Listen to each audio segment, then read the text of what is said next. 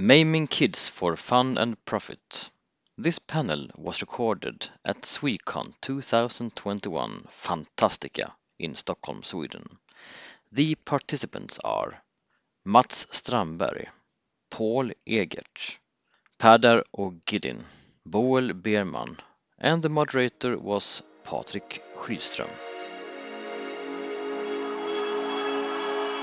Svekon-poddar, en poddradio från svenska science fiction och fantasykongresser.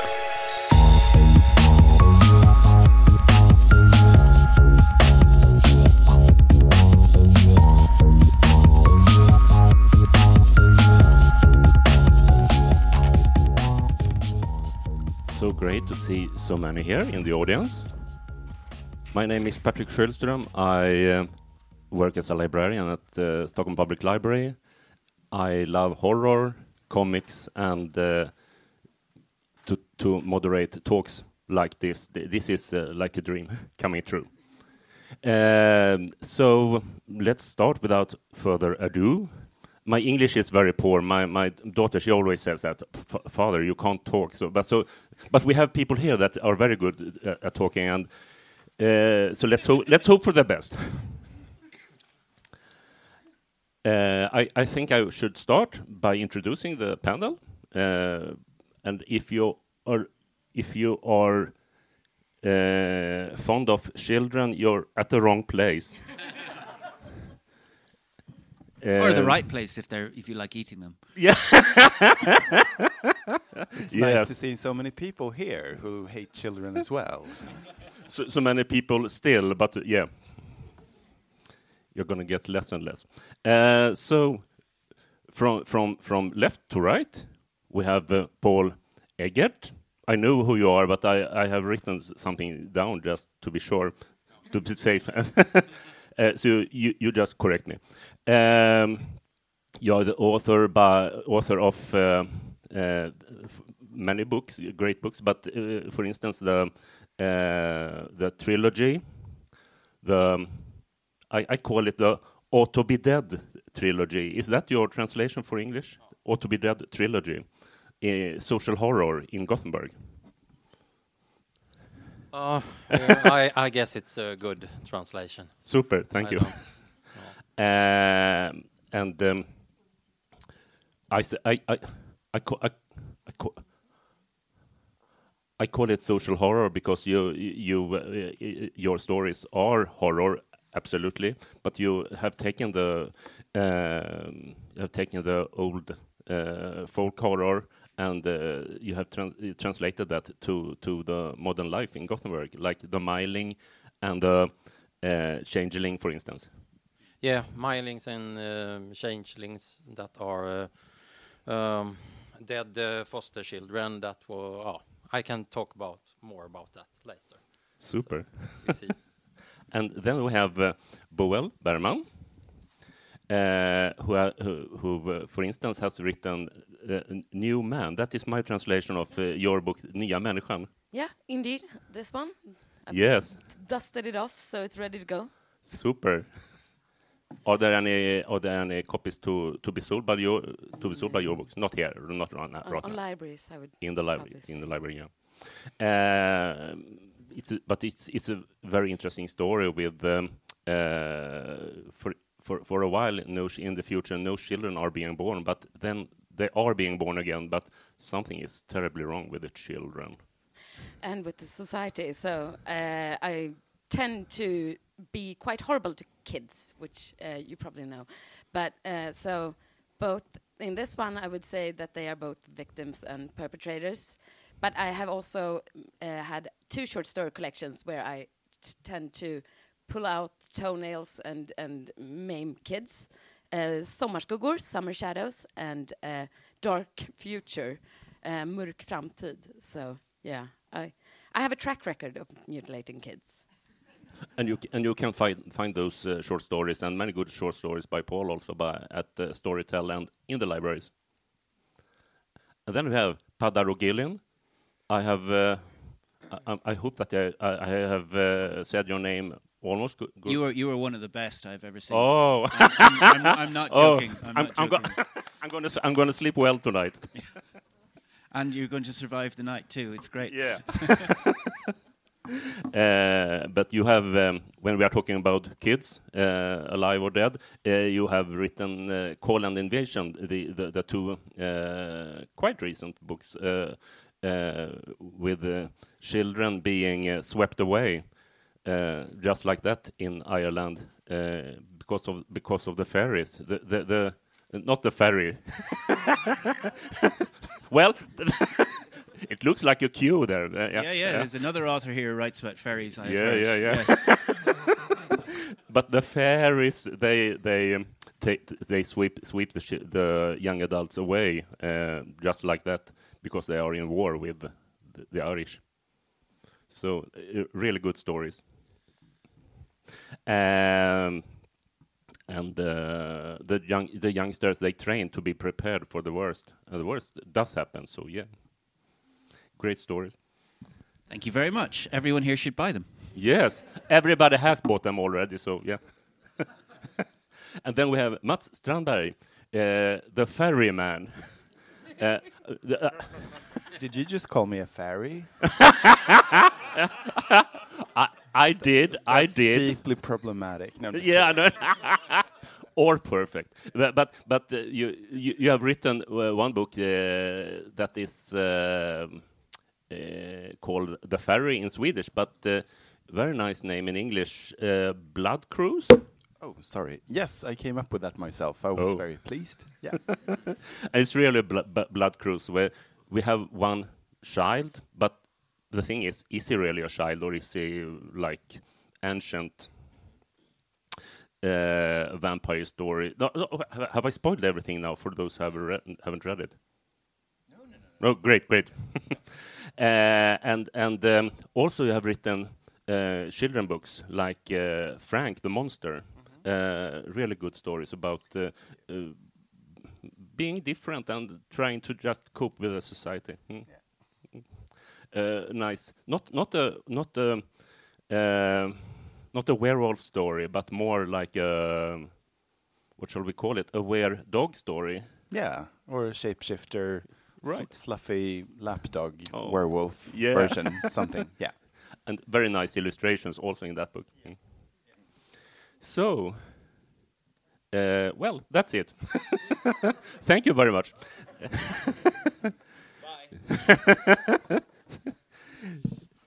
so, uh, children being nasty or be children being violent, children being really scary. Uh, how is it that that's one of the most scariest things in horror because I believe that it is both in in movies and in in in, in uh, written stories. Do any one of you have any idea why why that is so scary? Peadar? I- I'm I'm happy to try to answer this. Um, I, I I think that things are always more powerful when they play against type, when they play against expectations. Um, a long time ago, I used to do a, a lot of theatre. I wasn't very good at it, but I enjoyed it a lot. Um, and we were putting on a, a play called Romans in Britain um, by Alan Bennett, I think. I can't remember. It's a long time ago. And um, Julius Caesar was a was an important character in it and um, we we were thinking of who who was going to play the part of Caesar um, because we don't care about the historical Caesar. It's just for the play, you know, who, who's going to be our Caesar character because the Caesar character is someone who's very powerful, very strong. Everyone is very afraid of him. Romans in Britain was not one of these stories about Caesar where they think Caesar is great. It was about colonization. You know, it was a, it was a story of that, and Caesar was this kind of big, strong, powerful baddie um, for for the for the play, and and in the end, the best selection to, of actor to play this character was someone who was very small and very slight, but everyone is still very afraid of them, um, and it was more powerful that way. Um, so children who um, we are genetically um, programmed, you know, to to find cute and to find nice, and we're genetically programmed to want to look after them and want to take care of them. Um, the fact that they can be um, dangerous and, and violent and even frightening um, is, to my mind, much more powerful for that reason. You mean a contrast? On the other hand, kids are scary. like in their natural state. We, we want to believe that they're innocent and cute and adorable. I'm sorry, but um, but on the other hand, they don't really have the full perception of grasping morals yet until they learn or what to do, what's wrong, what's right. And that makes them scared because they're completely unpredictable. Absolutely, and also they're they don't have this distinction between reality and fantasy. So it it's all. I mean, uh, every one of my friends who are parents have some creepy stories about how their kids wake up in the middle of the night and say really weird things about people being in the room or you know some other stuff like you're gonna die, mom, um, and it, it's I think that's what what makes kids so creepy for me as well is that they it sort of feels like there are cracks that something can sort of seep into. And yeah it's not it's not a coincidence that so many possession stories are about children. I think it's about uh, to about um, uh, the reader or, or the look uh, the one who sees the movie um, remembers uh, his own uh, childhood and uh, how uh, vulnerable vulnerable vulnerable and, um, and small and and, and weak uh, he or she was and uh, then being killed or or, or tortured is um, well, everybody can relate to that. And there's also this om- omnipotence um, fantasy that they can relive, uh, beating up those who, who pain them. So. It's really when I wrote my first horror novel, uh, Blood Cruise. I revisited all of the Stephen King novels that I loved so much when I was a kid, and it really struck me that they're all the best ones are about children and children's vulner- vulnerability, like you say, and and also children's ability for for evil and perception of things that aren't there. So like everything from The Shining, It, obviously, Salem's Lot, uh, they all have kids in them. Cujo, uh, and it, it never really struck me what a great, um, how great Stephen King is, is at depicting uh, what it's like to be a kid, and and and and it, it sucks a lot of the time to be a kid, and you don't have any power whatsoever over your life, and you can be surrounded by grown-ups who can't really take on their adult roles and uh, can't take the responsibility they need, or they won't believe you, or they actively hurt you. Um, it was really fascinating. I hadn't even thought of that before I revisited them. But then I want to stretch to almost like young adults because Carrie is one of the scariest things, and the scariest things are kids or young people being mean to other kids. It's not really her powers; it's her mother and and the bullier that are scariest in that story. And Ray, Ray Bradbury has been very good about about uh, showing how children can be awful to each other. Well, when when you are a child, you are, um, you know, as Mats was saying, you you are you are uniquely vulnerable. But there are also all many many other cages around you. Like um, when you're being bullied, um, it is the most helpless time of your life, in a way, because um, you've got this cage where you cannot tell on the bullies because all the other children will think that's a terrible thing to do. Even more terribly, you should just take the punches rather than tell. That's the worst thing you can do. Um, and then you've got this other cage of um, your your your parents who will never actually understand what kind of a situation you were in. You are you are uniquely helpless at that point, and those children who are your bullies are. Um, you know the, the the almost the worst terror you can you can imagine. Um, you've got to go to school every day. You can't get out of that either. That's another cage. You've got to go to school and you've got to face them every single day. So yeah, no, that is um, you know that is that is a classic situation which a lot of people who read science fiction go through for some reason, you know, and um, yeah. Uh, let the right ones uh, in, or let the right ones slip in. What's the correct title? Let the right one in in English. Yeah. So I mean, we, we do have the scary child vampire, but this the scary thing there is the bullies, and also when he tries to strike back at them and the anger he feels is kind of scary because we like him, and then we get scared by the feelings he has. And we like to see those stories and get and, and to feel redemption. May I ask something? I- I don't want to take your job. but- Please, please. but but Everybody just- can take my job. It's okay. Yeah, I'm just really curious about which one of us have kids on of our own because I feel like I'm I often miss out on a very important layer in some stories where the kids are in peril. I mean, of course, I I hope the kids are going to do well, but there are some books that parents react to so so much more on a deeper level. So I don't have kids. I have kids. You have kids, yeah. yeah. I don't have kids. I Yeah. identify with the kids in the books. Yeah, me too. Yeah. I, I don't have kids, but for about 14 years, I was the equivalent of a, of a father for my nephew. Um, so I, I kind of am. I'm his godfather, but I'm, I was also kind of basically helped helped raise him. Oh, I only spoke to him in Irish, um, which is fun. Uh, um, but um, I got to stop. I, I had an inspiration and it's gone. Yeah. But did you feel like that sort of changed your perspective on horror stories that you maybe before used to identify with the kids and now you see the parental role instead? It, it changed my reflections on, on some things. It definitely did. Um, at the time when he was a very small boy, there was a massacre in Scotland in a place called Dunblane, where a guy went into a school which had you know four year old kids, which was about the age my nephew was at the time, and he shot about nine of them, and the teacher, and and that was uniquely horrifying to me because he was that age. So that was a, the the other thing as well is with my book The Call. Um, a lot of uh, a lot of uh, young adults really really enjoy that book, but their parents hate it um, because the the parents like young adults uh, don't feel fear in the same way. I don't know about you, but when I was a kid. Um, at one situation, I was hanging by one arm from a tree about two stories up off the ground while other children threw stones at me.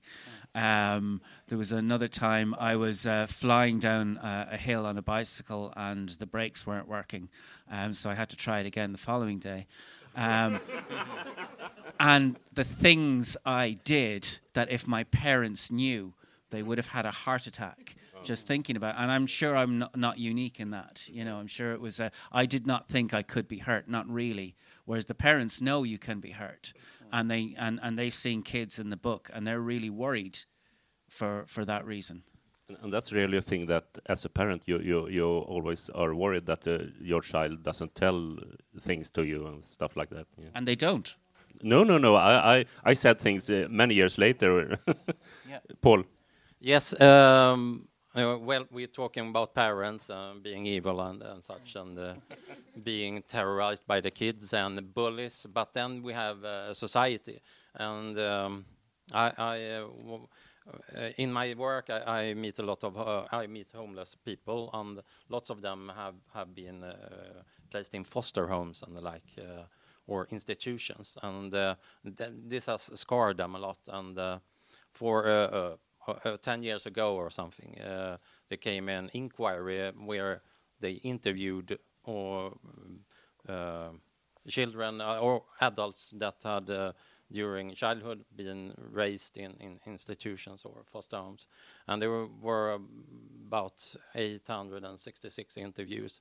And um, it was lots of, of stories about sexual and uh, violent abuse and harmful uh, works, and um, which uh, uh, um, well, they they didn't have uh, good uh, adult lives. So I I thought about this and and um, wanted to. Um, uh, put it in shape. So I I made up uh, mylings who uh, who uh, were under children that that had been killed during uh, when when they were foster homes, and they uh, um, came to life in, in our time and, and wanted to to take revenge or something. They became also pawns in a, a changeling game. So a bit like your fairies. And it works very. It works very good. It it's very. It's transformed to modern life uh, perfectly because it's it's under. It's there already, like an underlying theme. Yeah. I think uh, even when we don't write about kids or teenagers, we tend to have characters that has a background that is traumatic. It doesn't have to be monsters or, or death or you know that drama. It can also be just a really rough upbringing, foster homes, etc. It makes for really interesting characters. So even if we occasionally don't think that we don't write about traumatized kids, maybe we do. Like uh, we were talking about Nina in Hemmet. Uh, English title is Uh, the home. The Yeah. Home. Yeah. So Yeah, you had a you had a better an analysis of my book than I did, so you can you can go ahead. well, well, Ni- Nina is this uh, like she had an alcoholic mother and is really traumatized by growing up alone with her. So she tends to seek desperate for you know comfort, safety, not going beside any boundaries. And she also has a work where she tends to people, and then of course th- this evil force uh, uses that because she wants to protect the the one person that was there as an adult when she was a kid. So I think that's yeah, quite spot on. we we have had this uh, really uh, awful accident uh, uh, just recently here in Sweden, Hässelby. I don't know if you have heard about it. That it, uh, a father who who did some really um, terrible things with his children.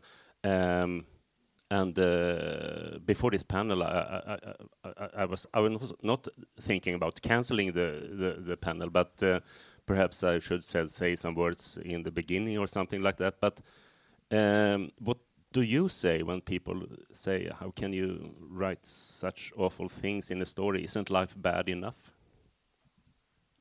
Uh, Please, Mats. Yes. Yeah, okay. Um, I, I don't think anyone's ever said that except for parents to the kids' books. Um, because, and the things that the kids react to aren't so much the monsters and the horror stuff. It, it's like in the first chapter, Frank has a birthday party and no one comes. Like, no one comes. His parents sort of make him have this party, and he knows it's going to be a disaster. Um, and that's something that a lot of parents had issues with because their kids react really strongly and like, whoa, it, it's not even on their radar that that can happen. But I just think that's a great lesson in empathy, and you know, yeah, they need to be Uh, shocked sometimes. Nobody has ever said anything about uh, me killing off kids, besides a very close friend that uh, sort of yelled at me for like, if you're gonna kill a kid named after my son, you could at least warn me. Heads up. So uh, yeah, I'm gonna be careful with names. And the physical description was the same and everything. It's incredible. well, they were pretty much the same age and everything. Peadar, Peadar, have you had any problems with people saying, "Oh, why are you writing such?" yeah, such I, I, I actually stuff? I actually have had um, people people write to me and saying I really liked your book, but I'm very angry that you did it. Um, I, I've had a lot of things like that. Um, Fourteen-year-old children, what were you thinking? You know this this kind of stuff. Um, my answer was, well, it wasn't written for you. You're not 14. Um, that that was the first thing. Um, but the but the second thing is this: why write horror? um, for for kids to read or even adults to read. Why why even do that? Uh, what's even the point of that? And part of the point of it is um, it's a way of um, like all stories throughout history that, that we tell you know around the fire or whatever is it's a way for children to experience the very real horrors of the world we live in um, in a safe environment.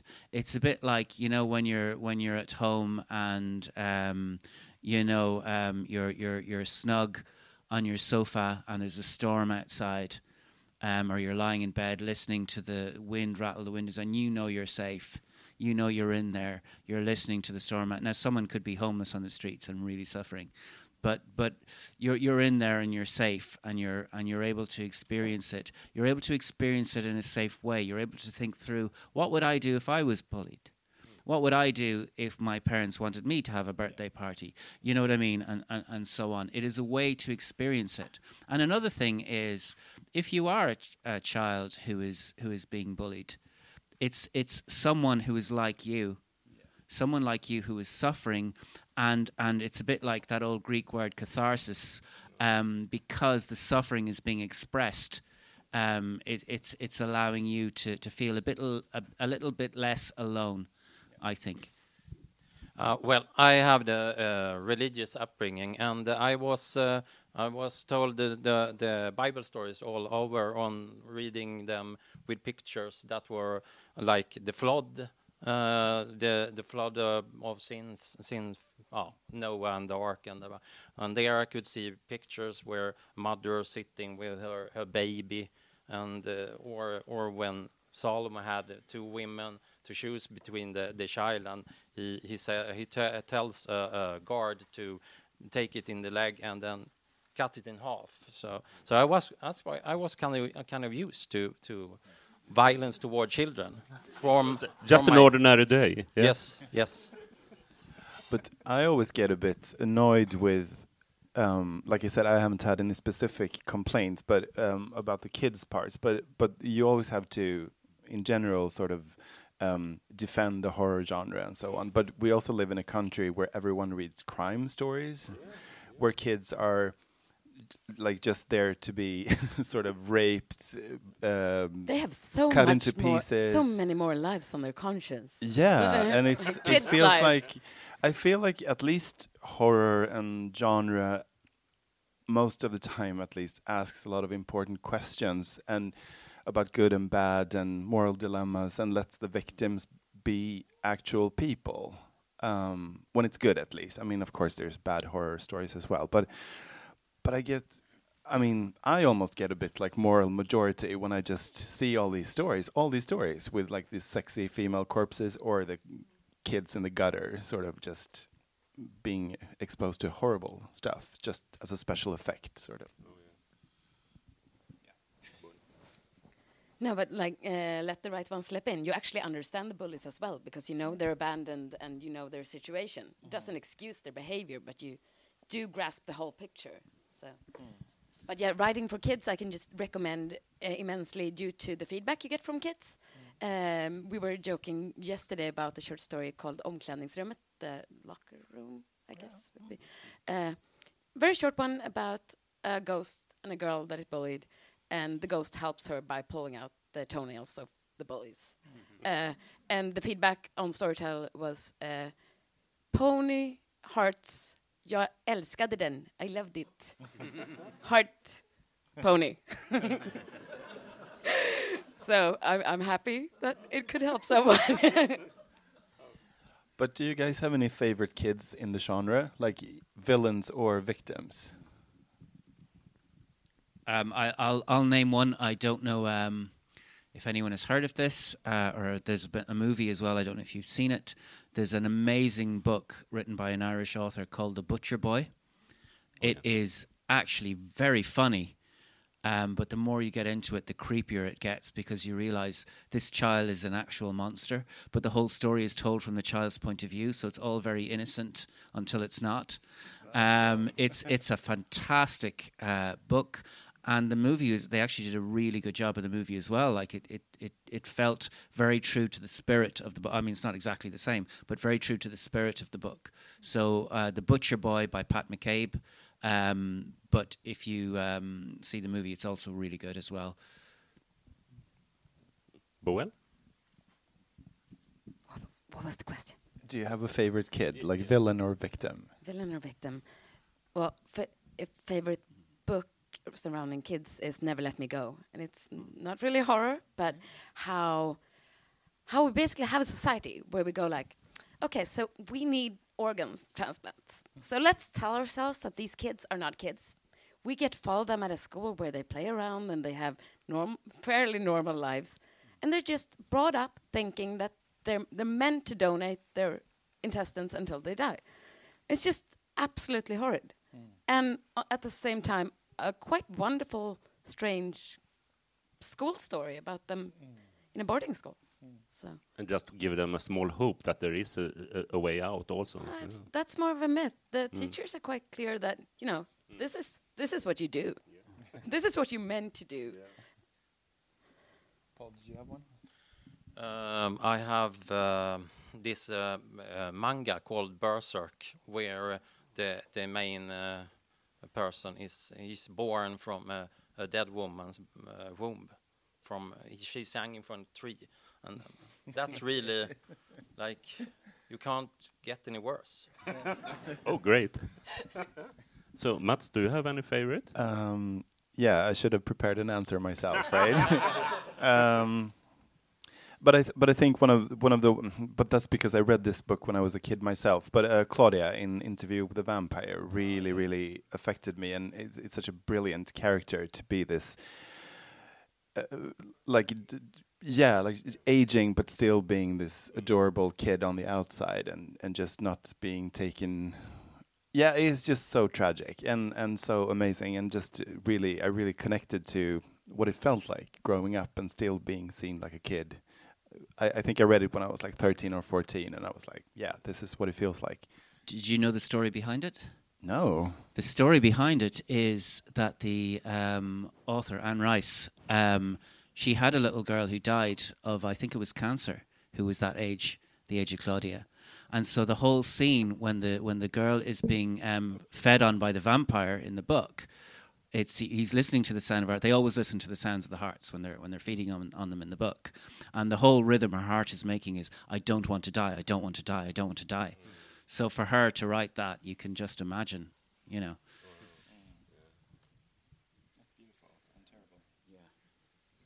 Shall we hear if there are any questions or comments from the audience? Yes.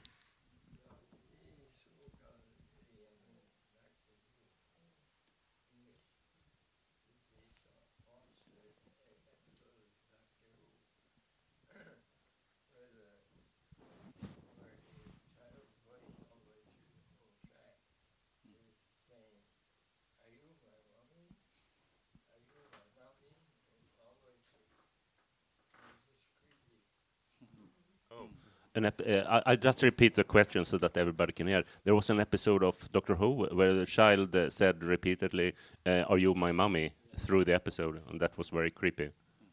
Yeah. Have uh, one, any one of you seen that episode? no sounds creepy though Yeah. but i that- guess mm. But that's very sad and creepy. Somebody looking for for her or his mummy. Yeah. It, it's the vulnerability thing, isn't it? I mean, I saw a nature documentary just about a week ago, and there was a, a, a small little deer separated from its its mum, and there were tigers roaming around. Um, and even though it was uh, just a deer and it was just a nature documentary, you still felt it. And of course, at the end of the episode, they they had uh, the the the mummy finds it. But yes, of course, it's it's the vulnerability thing that we that we are, as I said, genetically programmed to to want to protect them. You know. i oh sorry But so, how much does kid in fiction needs to change in order to us not wanting to protect it, so to speak? Because I guess become a teenager because teenagers are the number one victims in, right? That's the change, puberty. true, true. no, I don't know. Sorry, but um, did no, you mean no, like but I was thinking more of like Japanese horror movies is mm, basically the silent, the blank, the you know the just strange movements that sort of takes that protection will away. I guess whisks it away. Uh, in my book, th- they're basically silent and doesn't show emotions, and they also have a strange buzzing sound going on. So that doesn't really nurture the parental instinct, I guess. My diet is a bit like that as well. I mean, I, I'm just thinking. I wrote a book called Monsters in Therapy, which is uh, which I wrote together with a psychologist friend, and where we let classical monsters go to therapy. And Frankenstein's monster is very much like a newborn. I mean, for we treated it as a story about a newborn child whose father doesn't want to take responsibility for him, and how this abandonment actually creates a monster. And and that's um, yeah, that was really fascinating. That Uh, sounds great. Thank you. Thank you so much. But yeah, abandonment is a key factor, I think, in in this type of stories. Uh, either if they're abandoned in the way that they get to do whatever they want because nobody says stop, like Joffrey. Could Joffrey had become different in Game of Thrones if somebody had wheeled him in, or was he, you know, uncurable psychopath? I don't know. Uh,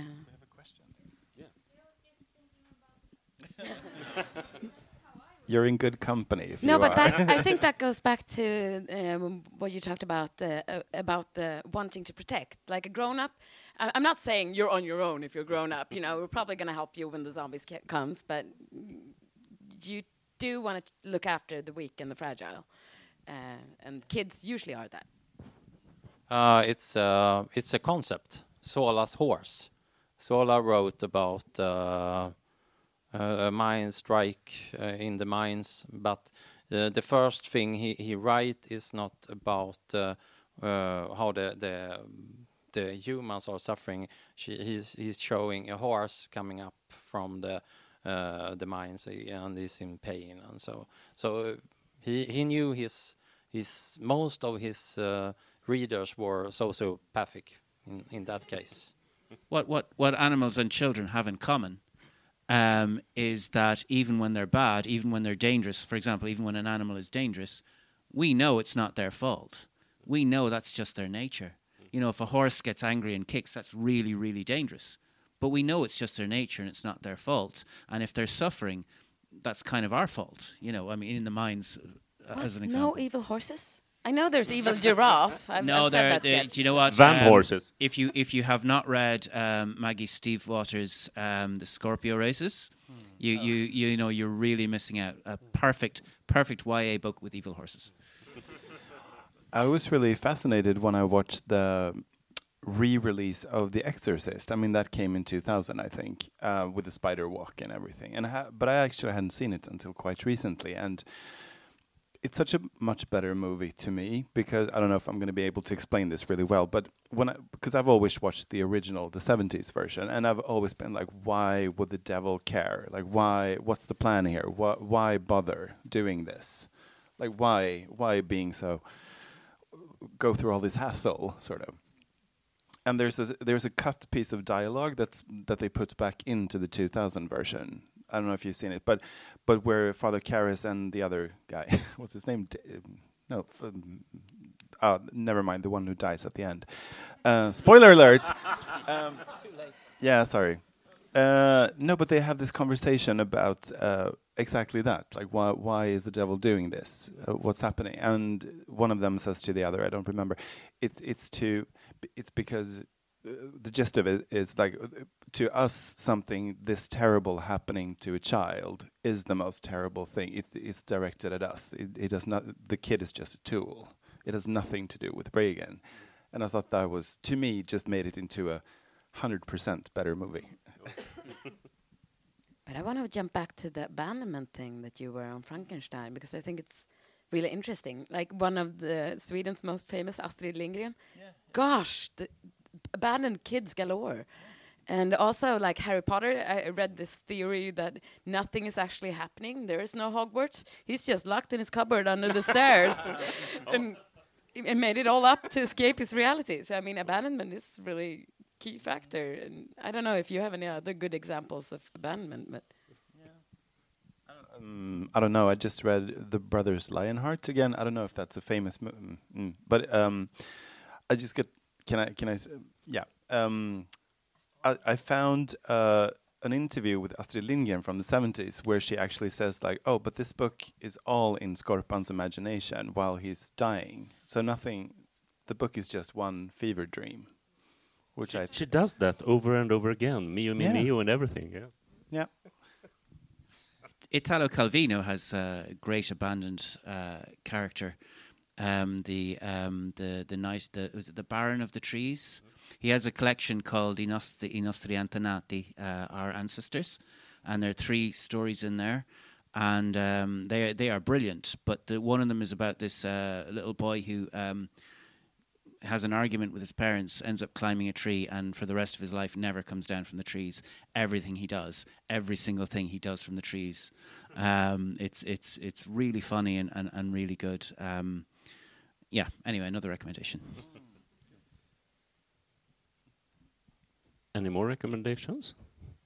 And and what is uh, uh, and what is, what is most scary is is it that when uh, when you can't connect with the children, like in your story, you you, you they have their own language and they, you can't talk to them, or is it when they start talking, like the what they call the the Grady twins? Are they the, the Grady sisters in in Shining? You know.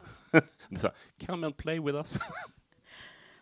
well, um, they they do communicate in the end in in the novel. Uh, and I do, I don't think that the kids in my book are evil.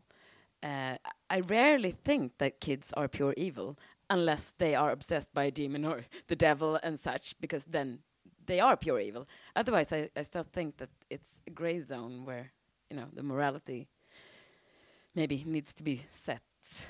So, but you can argue against me if you believe kids can be evil. So, I think I think it's it's a bit like asking what it, what is tastier? Is it salt or is it sugar? And and it just depends on the recipe and the situation and the whole context. But do you think there are limits to what you can do to kids in fiction? or is it something you wouldn't write, for instance? Well, Serbian movie, Serbian film, uh, that wasn't so much limits. And uh, oh, well, I'd say that I was supposed to write. We we wrote a short story for kids. Uh, it was supposed to be for kids. Uh, Mörk framtid, dark future, uh, technology horror. Um, then we sort of had to upgrade the age a bit because it got too dark. But still, when we were working on it, I was like, okay, so what can't we write? Like, do you have an, any rec recommendations for st the Storytel kids? And they were like, well, you know, no sadomasochistic, uh, you know, um, sexual assault horror sort of thing. That that's the line. And I was like, oh, okay, that that. so that story I have named uh, Svep hjärta chatta date, which is pretty much that, but very unexplicit. And they were like, oh, that's fine. So it's kind of weird because th they, their branding is kids, and you just go like, no, no, 15 year olds, yes. Yes, yes, yes, please. I, I don't agree that the best monsters are the ones that you can identify with. I think I think they're great monsters. They're fantastic monsters. But again, it's the salt and sugar thing. What's what's the actual situation? In in any story, you want the audience to feel things. That's our entire job. That's the only job we have. The audience must feel something. And and they by the end of the book they must remember the feeling they had more than the plot, more than anything else. Um, and I think there are certain situations where you have a monster and you never like uh, Shakespeare has a play Othello, and there's the the, the villain in the play Iago. Um, several times during the play, he explains why he is doing what he is doing, and they're always contradictory. It might be, oh, I'm doing this because that that guy, the general, um, he slept with my wife, and then later on he says, I'm doing it because I want to sleep with the general's wife, and then he, he just keeps changing and changing and changing, and at the very very end of the play, they arrest him and they take him away. And why did you do it? I just did it, and, and and that's it. You know, he's a, a brilliant monster, but he's, he takes away his own humanity rather than, you know, providing it. I would think. Um, I was think thinking about the alien monster in the movie, and uh, I, I haven't heard about uh, anyone um, identifying with stalking people and killing them. Oh, there are persons, but uh, it's um, oh, there, there it is. But she's just a mom trying to yeah, I protect was her just kids. about to Oh say yeah, that. oh yeah, oh, yeah. it's just parental instincts. It's no evil. Food, safety, comfort. And there, I think it's it's time to wrap up. Thank you very much. Thank, Thank you. you. And- thank you.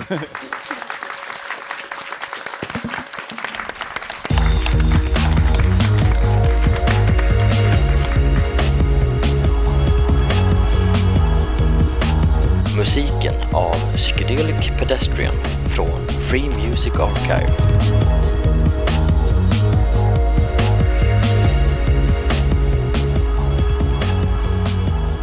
Besök gärna vår hemsida på svekonpoddar.se